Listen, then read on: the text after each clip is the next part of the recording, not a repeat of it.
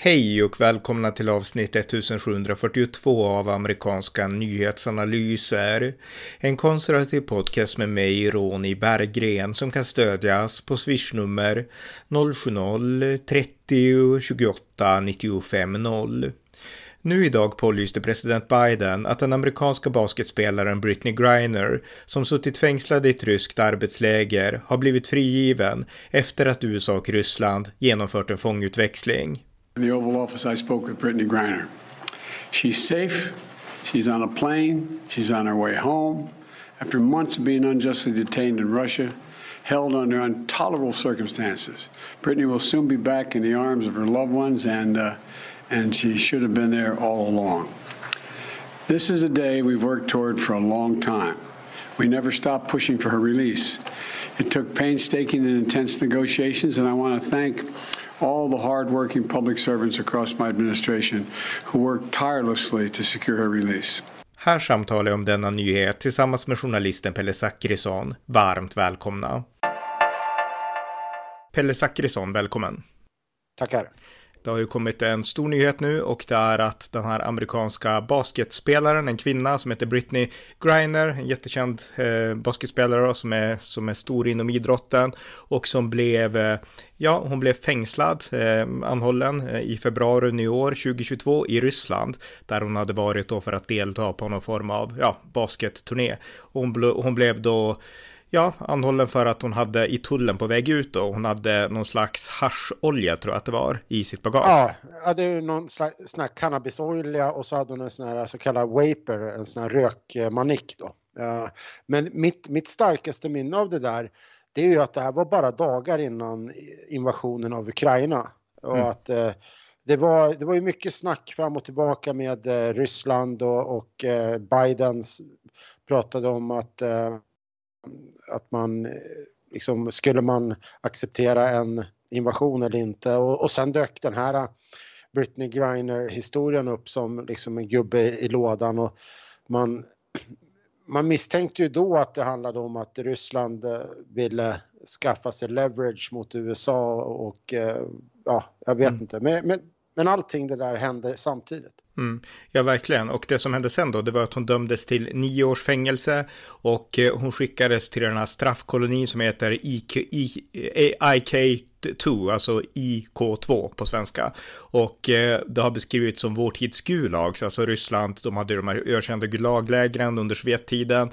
Gorbatjov nedmonterade dem väl, men de fanns väldigt lång tid och det var fruktansvärda läger då. Och det här är fängelse, säger Ryssland, men de flesta bedömare menar att det här är, det finns många likheter med Gulaglägren, kvinnorna våldtas och det är hård, liksom, det är arbetsläger egentligen. Och det finns ja. en kvinna i Pussy Riot, det är två Pussy Riot-medlemmar som bor i Sverige. Och en inte hon som bor i Sverige, men någon annan från Pussy Riot har ju suttit i de här lägren och hon har berättat för världen om hur det här är. Så att vi henne vet vi hur liksom, ja, hur det ser ut där inne och jag antar att Britney Griner kommer kunna berätta en del också. Men det var där hon hamnade och i värsta fall så hade hon ju suttit där i nio år då. Men det blev inte så därför att eh, eh Biden-administrationen, de har ju pratat länge om att kanske på något sätt få henne hem och nu lyckades man då. Ja, eh, jag, jag tror till och med att det har varit ett Eh, ett löfte från Biden ganska tidigt att han, att han alltså vid flera tillfällen lovat att han ska få hem just Britney Griner.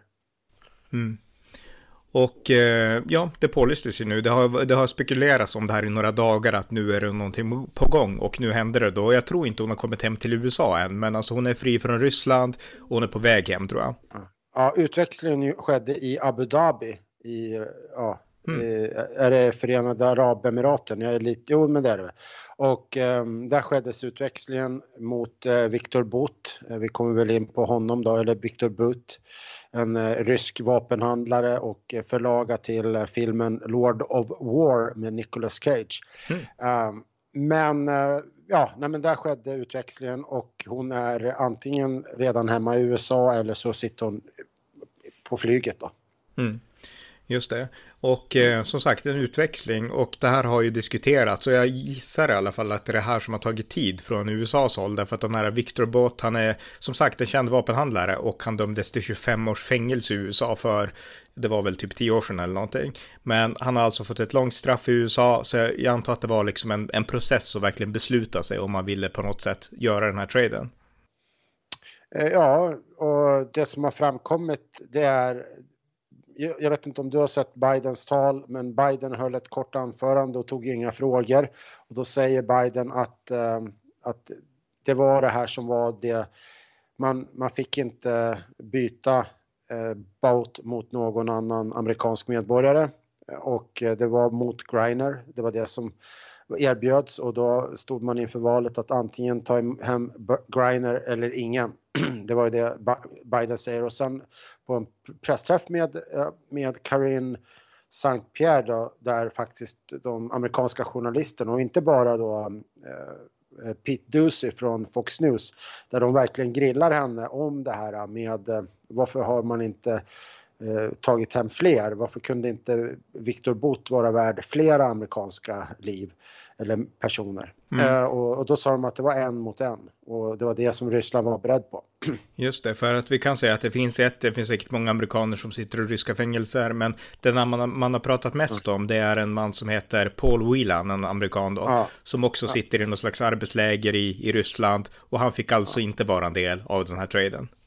Nej, och han, man brukar säga det att det är den som är eh, först, först in, först ut så att säga. Alltså, det är den som har suttit längst som ska utväxlas först. Det är, det är en lång, alltså det, det är liksom en lång tradition, det är så det är.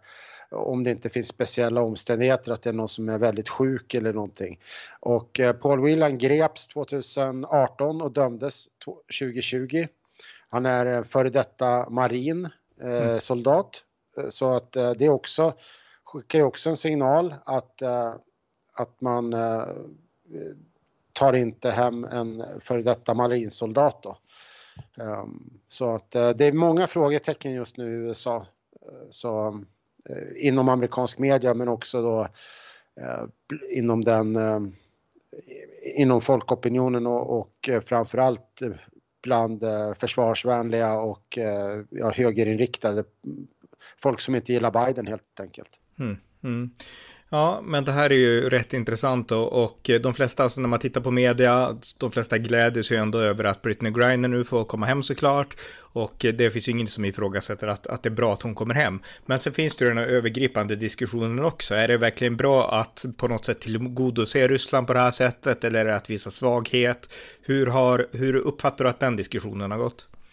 Ja, alltså jag vill, måste börja säga att eh, jo, det finns en del eh, knäppskallar som Ja, Britney Griner har ju varit en person som har vägrat stått eh, när nationalsången spelas och så vidare. Alltså som har varit en, en av, hon har varit en av de här som har ställt sig på knä och så vidare och eh, protesterat. Då slänger jag bara in då att det här är ju en svart ja. kvinna som säkert har liksom rötterna ja. i det, det communityt. Ja. Mm. ja, ja, hon är också det var, ja men hon, så hon har en, eh, så det är en del knäppskallar som tycker att, eh, ja men då ska, varför ska hon, hon har inte vis, svurit trohet till, till flaggan och så vidare.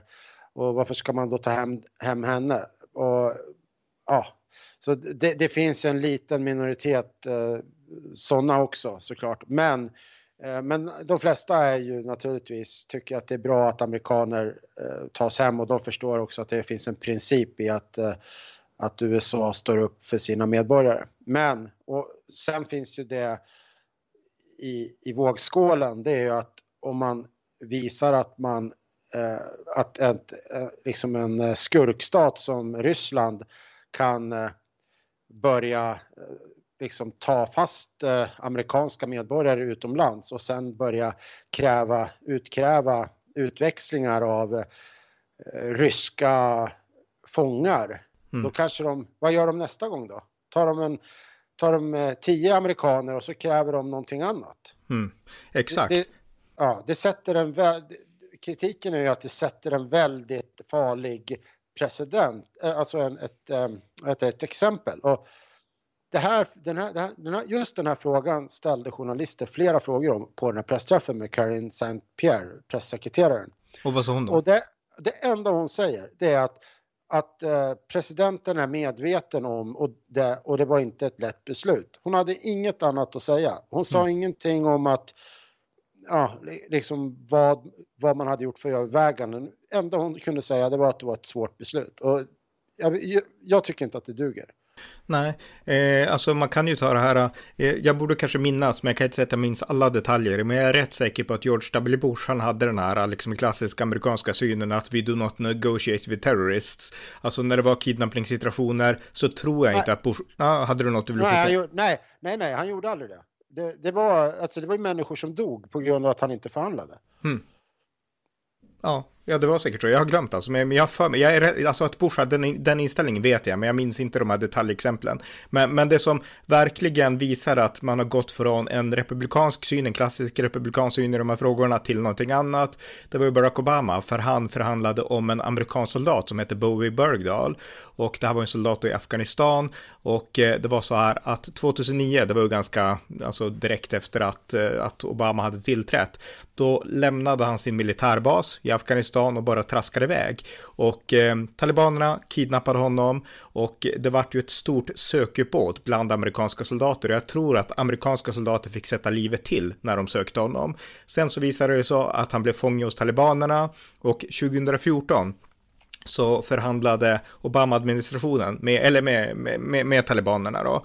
Och då blev det så att de eh, bytte fem fångar som jag tror att några av dem satt på Guantanamo mot Bowie Bergdahl. Och från början så lovordade man det här och man tyckte att det var bra. Men väldigt många kollegor till Bowie Bergdahl, jag, jag har intervjuat, jag känner en av kollegorna som, som var be, bekant med liksom hela situationen och det var krigare i Afghanistan då, eller kände folk där. Och han berättade att många var otroligt besvikna därför att de ansåg att det Bovie Bergdahl hade gjort, det var att svika hela enheten därför att Bovie Bergdahl visste att om han bara traskar iväg, vilka motiv han hade till det, då kommer man att skicka ut sökubåt. Alltså hans kompisar kommer att gå ut och leta honom för det är den amerikanska inställningen, man lämnar inte en soldat på fält.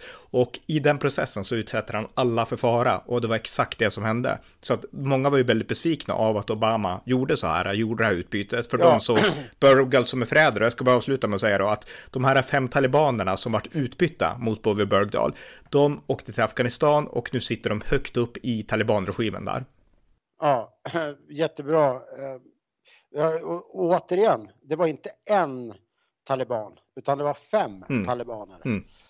En amerikan lyckades eh, talibanerna då få utväxla mot fem talibaner. Mm. Eh, så det är, eh, och nu så sitter de då och styr i, i, i en, en jävla, ett, ja, ett jävla, en jävla skitregim. Ja, shithole country. ja, Um, ja, det var du som sa det. Uh, men... Det var Trump i grund och botten. ja, okej, okay, ja men det var det. Men, mm. men de styr i liksom en jävla skitregim och uh, de kan göra det på grund av att de blev utsläppta. Mm, exakt. För att man inte kunde hålla på man kunde liksom inte hålla sina principer. Nej, och man kan ju förstå trycket som finns från anhöriga, men om man har en anhörig som hamnar i en sån situation, man gör ju allt för att få den fri såklart. Och man kan förstå att de påtryckningar finns mot regeringen, men alltså där måste ju regeringen ha förmågan också att kunna tänka, alltså lite mer strategiskt ja. och större. Ja, självklart. Och resonemanget från Biden och från Karine St. Pierre, det är ju som från, dag, det är som från barn. De säger så här, presidenten kommer göra allt, alltid göra allt för att få loss eh, amerikanska eh, fångar. Mm. Men jaha, och men varför måste, har han inga spärrar då? Liksom, finns mm. det ingenting, är, är han beredd att, är Biden beredd att trum, liksom, tumma på alla principer så att sådana här länder och, och ja, tänk om det är en terroriströrelse, bara tänker ja men nu, fan det är bara, det är bara kidnappa 20 amerikaner och så kräver vi vad som helst. Mm. Och, jag vet, alltså, dit kommer man väl inte att komma förhoppningsvis, men, men det, det här skickar ju jättekonstiga signaler. Ja, ja, men det gör det. Jag håller med om det. Och det, det är liksom, eh, om vi tar Israel som ett annat exempel som, som jag kan ändå hyfsat bra. Jag menar, Israel har en policy till exempel att eh, eh, judiska, alltså israeler, jud, judiska israeler, de får aldrig åka in på de palestinska områdena. Jag var i Israel och vi åkte in på, till Västbanken och sådär. Och då fick vi veta av våran guide att, att liksom Israel har den policyn. Därför att om en israelisk jude, som Israel då har ansvar för, blir kidnappad av Hamas, då kommer Hamas att kräva tusen terrorister i utbyte mot en enda. Och det är liksom helt orimligt för Israel, så att de har liksom, de har upprättat de här förbuden att visst, ni är fria medborgare, men åker ni dit så liksom, det blir för mycket, alltså vi kan inte spela det här spelet med terroristerna. Nej, och, eh, och sen så istället så vet de att det är, att ja, det är liksom fred genom styrka eller att de får loss, de skickar iväg de här uh, fritagningsoperationerna som Eh, Benjamin Netanyahus storebror eh, när han åkte ner till det här landet i Afrika och, fri, liksom fritog eh, en, ett helt flygplan med passagerare. Mm. Så jag menar, det att, att man måste utväxla fångar på det där sätatt det är ju liksom inget, det är inte någonting som är satt i sten. Nu säger inte jag att amerikaner ska Eh, sätta in en, eh, att de ska sätta in sina del, sin deltastyrka för att frita för Britney Griner i ett arbetsläger. Men, mm. men jag, jag, tänker att, att konsekvenserna av att man går till mötes och släpper löst och Victor Boat mm. som eh, kan bara ta lite kort. Han har alltså sålt vapen, bland annat misstänks för att ha sålt vapen till krigsherren Charles Taylor i Liberia. Mm. Liksom en en eh, fruktansvärt ond person och han, han misstänks för att ha sålt vapen eller ja, det är bekräftat att han har sålt vapen till Afghanistan eh, innan talibanregimen mm. och eh, han eh, misstänks för att ha sålt vapen till eh, Shia-terroristerna i Hezbollah. Så att eh, det är en det är en person som har orsakat fruktansvärt mycket dödande och nu är han frisläppt och, och tajmingen med, med uh, Ukraina-kriget är ju extremt dåligt vald. Mm. Ja, alltså det, det liksom Biden-administrationen borde överväga nu. Det är helt enkelt att sätta upp just den här personen då på en terrorlista så att man kan slå ut honom om han gör någonting sånt här igen. Det är typ det man skulle göra kanske. Ja. Var min tanke bara. Ser, mm. Ja, jo, men ser du det framför dig att de kommer göra det? Nej, alltså det beror på hur man bedömer. Vill han bara leva sitt liv på någon bondgård i Ryssland, då behöver man inte bry sig. Men liksom om man skulle börja med den här verksamheten igen, då kanske man måste, jag vet inte. Men, men nej, nej, jag ser ju inga tecken på det alls. Alltså ta talibanerna som gör det de gör, alltså de, de så att nej, nej, det säger jag inte. Men, nej, eh, men jag menar mer så här att utifrån att att eh, ser du några tecken på att Biden-administrationen är så tuffa. Nej, det, det är det, inte, nej, nej, det är det jag inte gör. Sen, sen, tycker jag också, så när det gäller förhandlingar, men vi har ju många Nordkorea och haft amerikaner som har varit inlåsta och då oftast man skickar någon gammal president, Jimmy Carter åkte ofta iväg, Bill Clinton inte minst. Och vi har även haft den här gamla guvernören i New Mexico som, som förhandlade ofta, jag tror det var med Nordkorea, vad hette han för någonting? Men sak samma, eh, de Eh, Eh, då förhandlade man ju liksom oftast inte med utbyte av fångar, utan då gav man Nordkorea liksom någon muta eller alltså något sånt. Och då är det ju en sak, för då funkar det liksom. Men när det handlar om att liksom ge tillbaka personer som är farliga, det är där det kan bli liksom mer, tycker jag, moraliska liksom betänkligheter. Ja, när det ställs, för här ställs det verkligen på sin spets. Att eh, det blir en, och, och sen också att Biden står och säger väldigt tydligt att vi hade inget val. Vi fick inte välja. Då, visar, då blir det ju att det är Ryssland som det framstår som att det är Ryssland som har dikterat mm. utbytet. Mm, exakt. Jag menar, här har vi det klassiska exemplet på liksom spelteori. Ryssland, de skiter förmodligen i den här vapenhandlaren. Eller visst, de, de sig ja. Om de har nytta av honom, då Men spelar han roll. Ja. Men om han hade dött i ett amerikanskt fängelse, det hade de skitit fullständigt i. Utan de spelar nu på att USA är liksom mjuka, att de vill liksom värna om sina medborgare. Det är den liksom, eh, det är det som ryssarna spelar på här. Ja, jag kan inte sammanfatta det bättre utan här och vi har ju inte alla detaljer så att det kan ju vara så att det är någonting som kommer att dyka upp som gör att eh, det vi säger nu eh, framstår som sällsynt korkat. Men jag har svårt att se att eh, det kan vara någonting annat än om de nu säger att, om det är som de säger att de har bytt Britney Griner mot Victor Viktor och Viktor Bot och att Ryssland satte det som det, det är Griner ni kan få eller ingen annan och vi tar bara en mot en. Då, då är, det framstår helt orimligt. Ja, då framstår det som att det är Ryssland som har dikterat det här. Ja. Mm. Ja. Och eh, ja, en annan, en, en sista grej då som hon nämnde, den här Karine Saint-Pierre, det var att hon, hon sa att eh, ja, när hon började få lite tuffa frågor och så framförde hon det att ja, nej men Ryssland vill, vill inte vill inte förhandla i, i in good faith, alltså i, med, vad kallas, vad kallas det för på svenska, inte i god tro? Eller? Nej, jag vet inte hur man säger, men ja. Ja, men in good faith och det att man ens förespeglar sig från Biden-administrationen att man kan ha en, liksom, förhandla med en skurkstat mm. med, liksom, god, med goda intentioner från båda parter. Mm.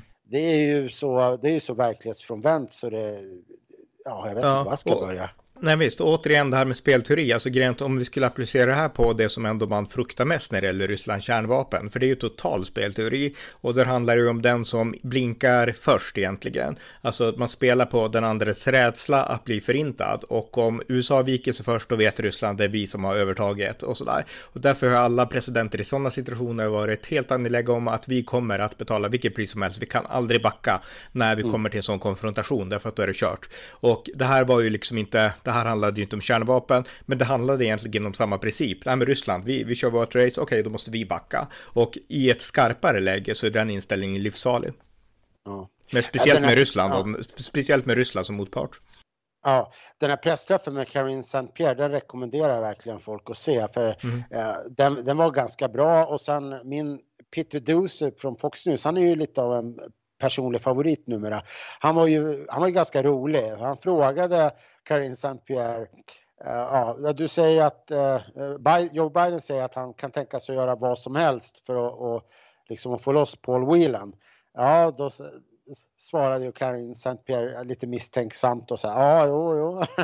uh, och då, då säger Peter Ducey så här, ja, kan han tänka sig att ringa Ehm, kan han tänka sig att ringa då eh, Vladimir Putin? Han har ju tidigare sagt att han, han inte tänker ringa Vladimir Putin. Och då ser man hur, hur det bara blir totalt bara låser sig för Karin Saint-Pierre liksom att uh, vänta nu, det var inte det vi menade. Men mm. ja, så att uh, nej, de, uh, det här ser ut att kunna bli en riktig PR, ett PR-fiasko. Jag tror att de hade hoppats på att det skulle kunna bli en liksom en fram, PR-framgång, men just att Paul Whelan sitter kvar där, mm. det, det inte, ser inte bra ut. Nej, det, och det, alltså om det blir, alltså alla gläder sig, även jag såklart, över att Britney Griner är fri, självklart, alltså det vill alla. Ja, verkligen. Ja, ja det men... måste vi verkligen understryka. Att Precis. Det, är, det är jättebra att en, en, en medborgare från USA då som eh, alltså, satte sitt jävla fångläger att hon släpps fri. Mm. Så att, välkommen tillbaka till eh, den fria...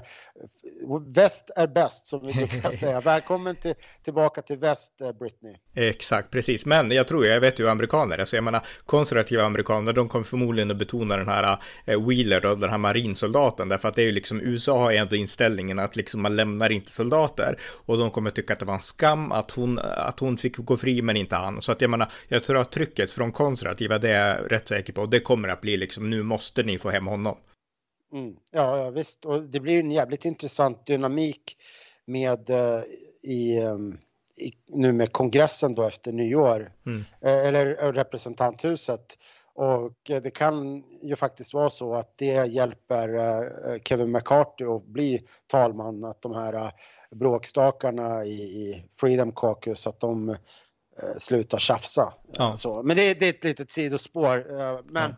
nej, men visst, det är jättebra att hon är fri, men, men eh, jag tror att det här kommer bli en PR disaster för, för Biden. Mm. Okej, okay, men tack så mycket Pelle för den uppdateringen. Tack för att jag fick vara med. Tack för att ni har lyssnat på amerikanska nyhetsanalyser. En podcast som ni gärna får stödja på swishnummer 070-30 28 95 0 eller genom att via hemsidan stödja på Paypal, Patreon eller bankkonto. Skänk också gärna en slant till valfri Ukraina-hjälp. Vi hörs snart igen. Allt gott tills dess.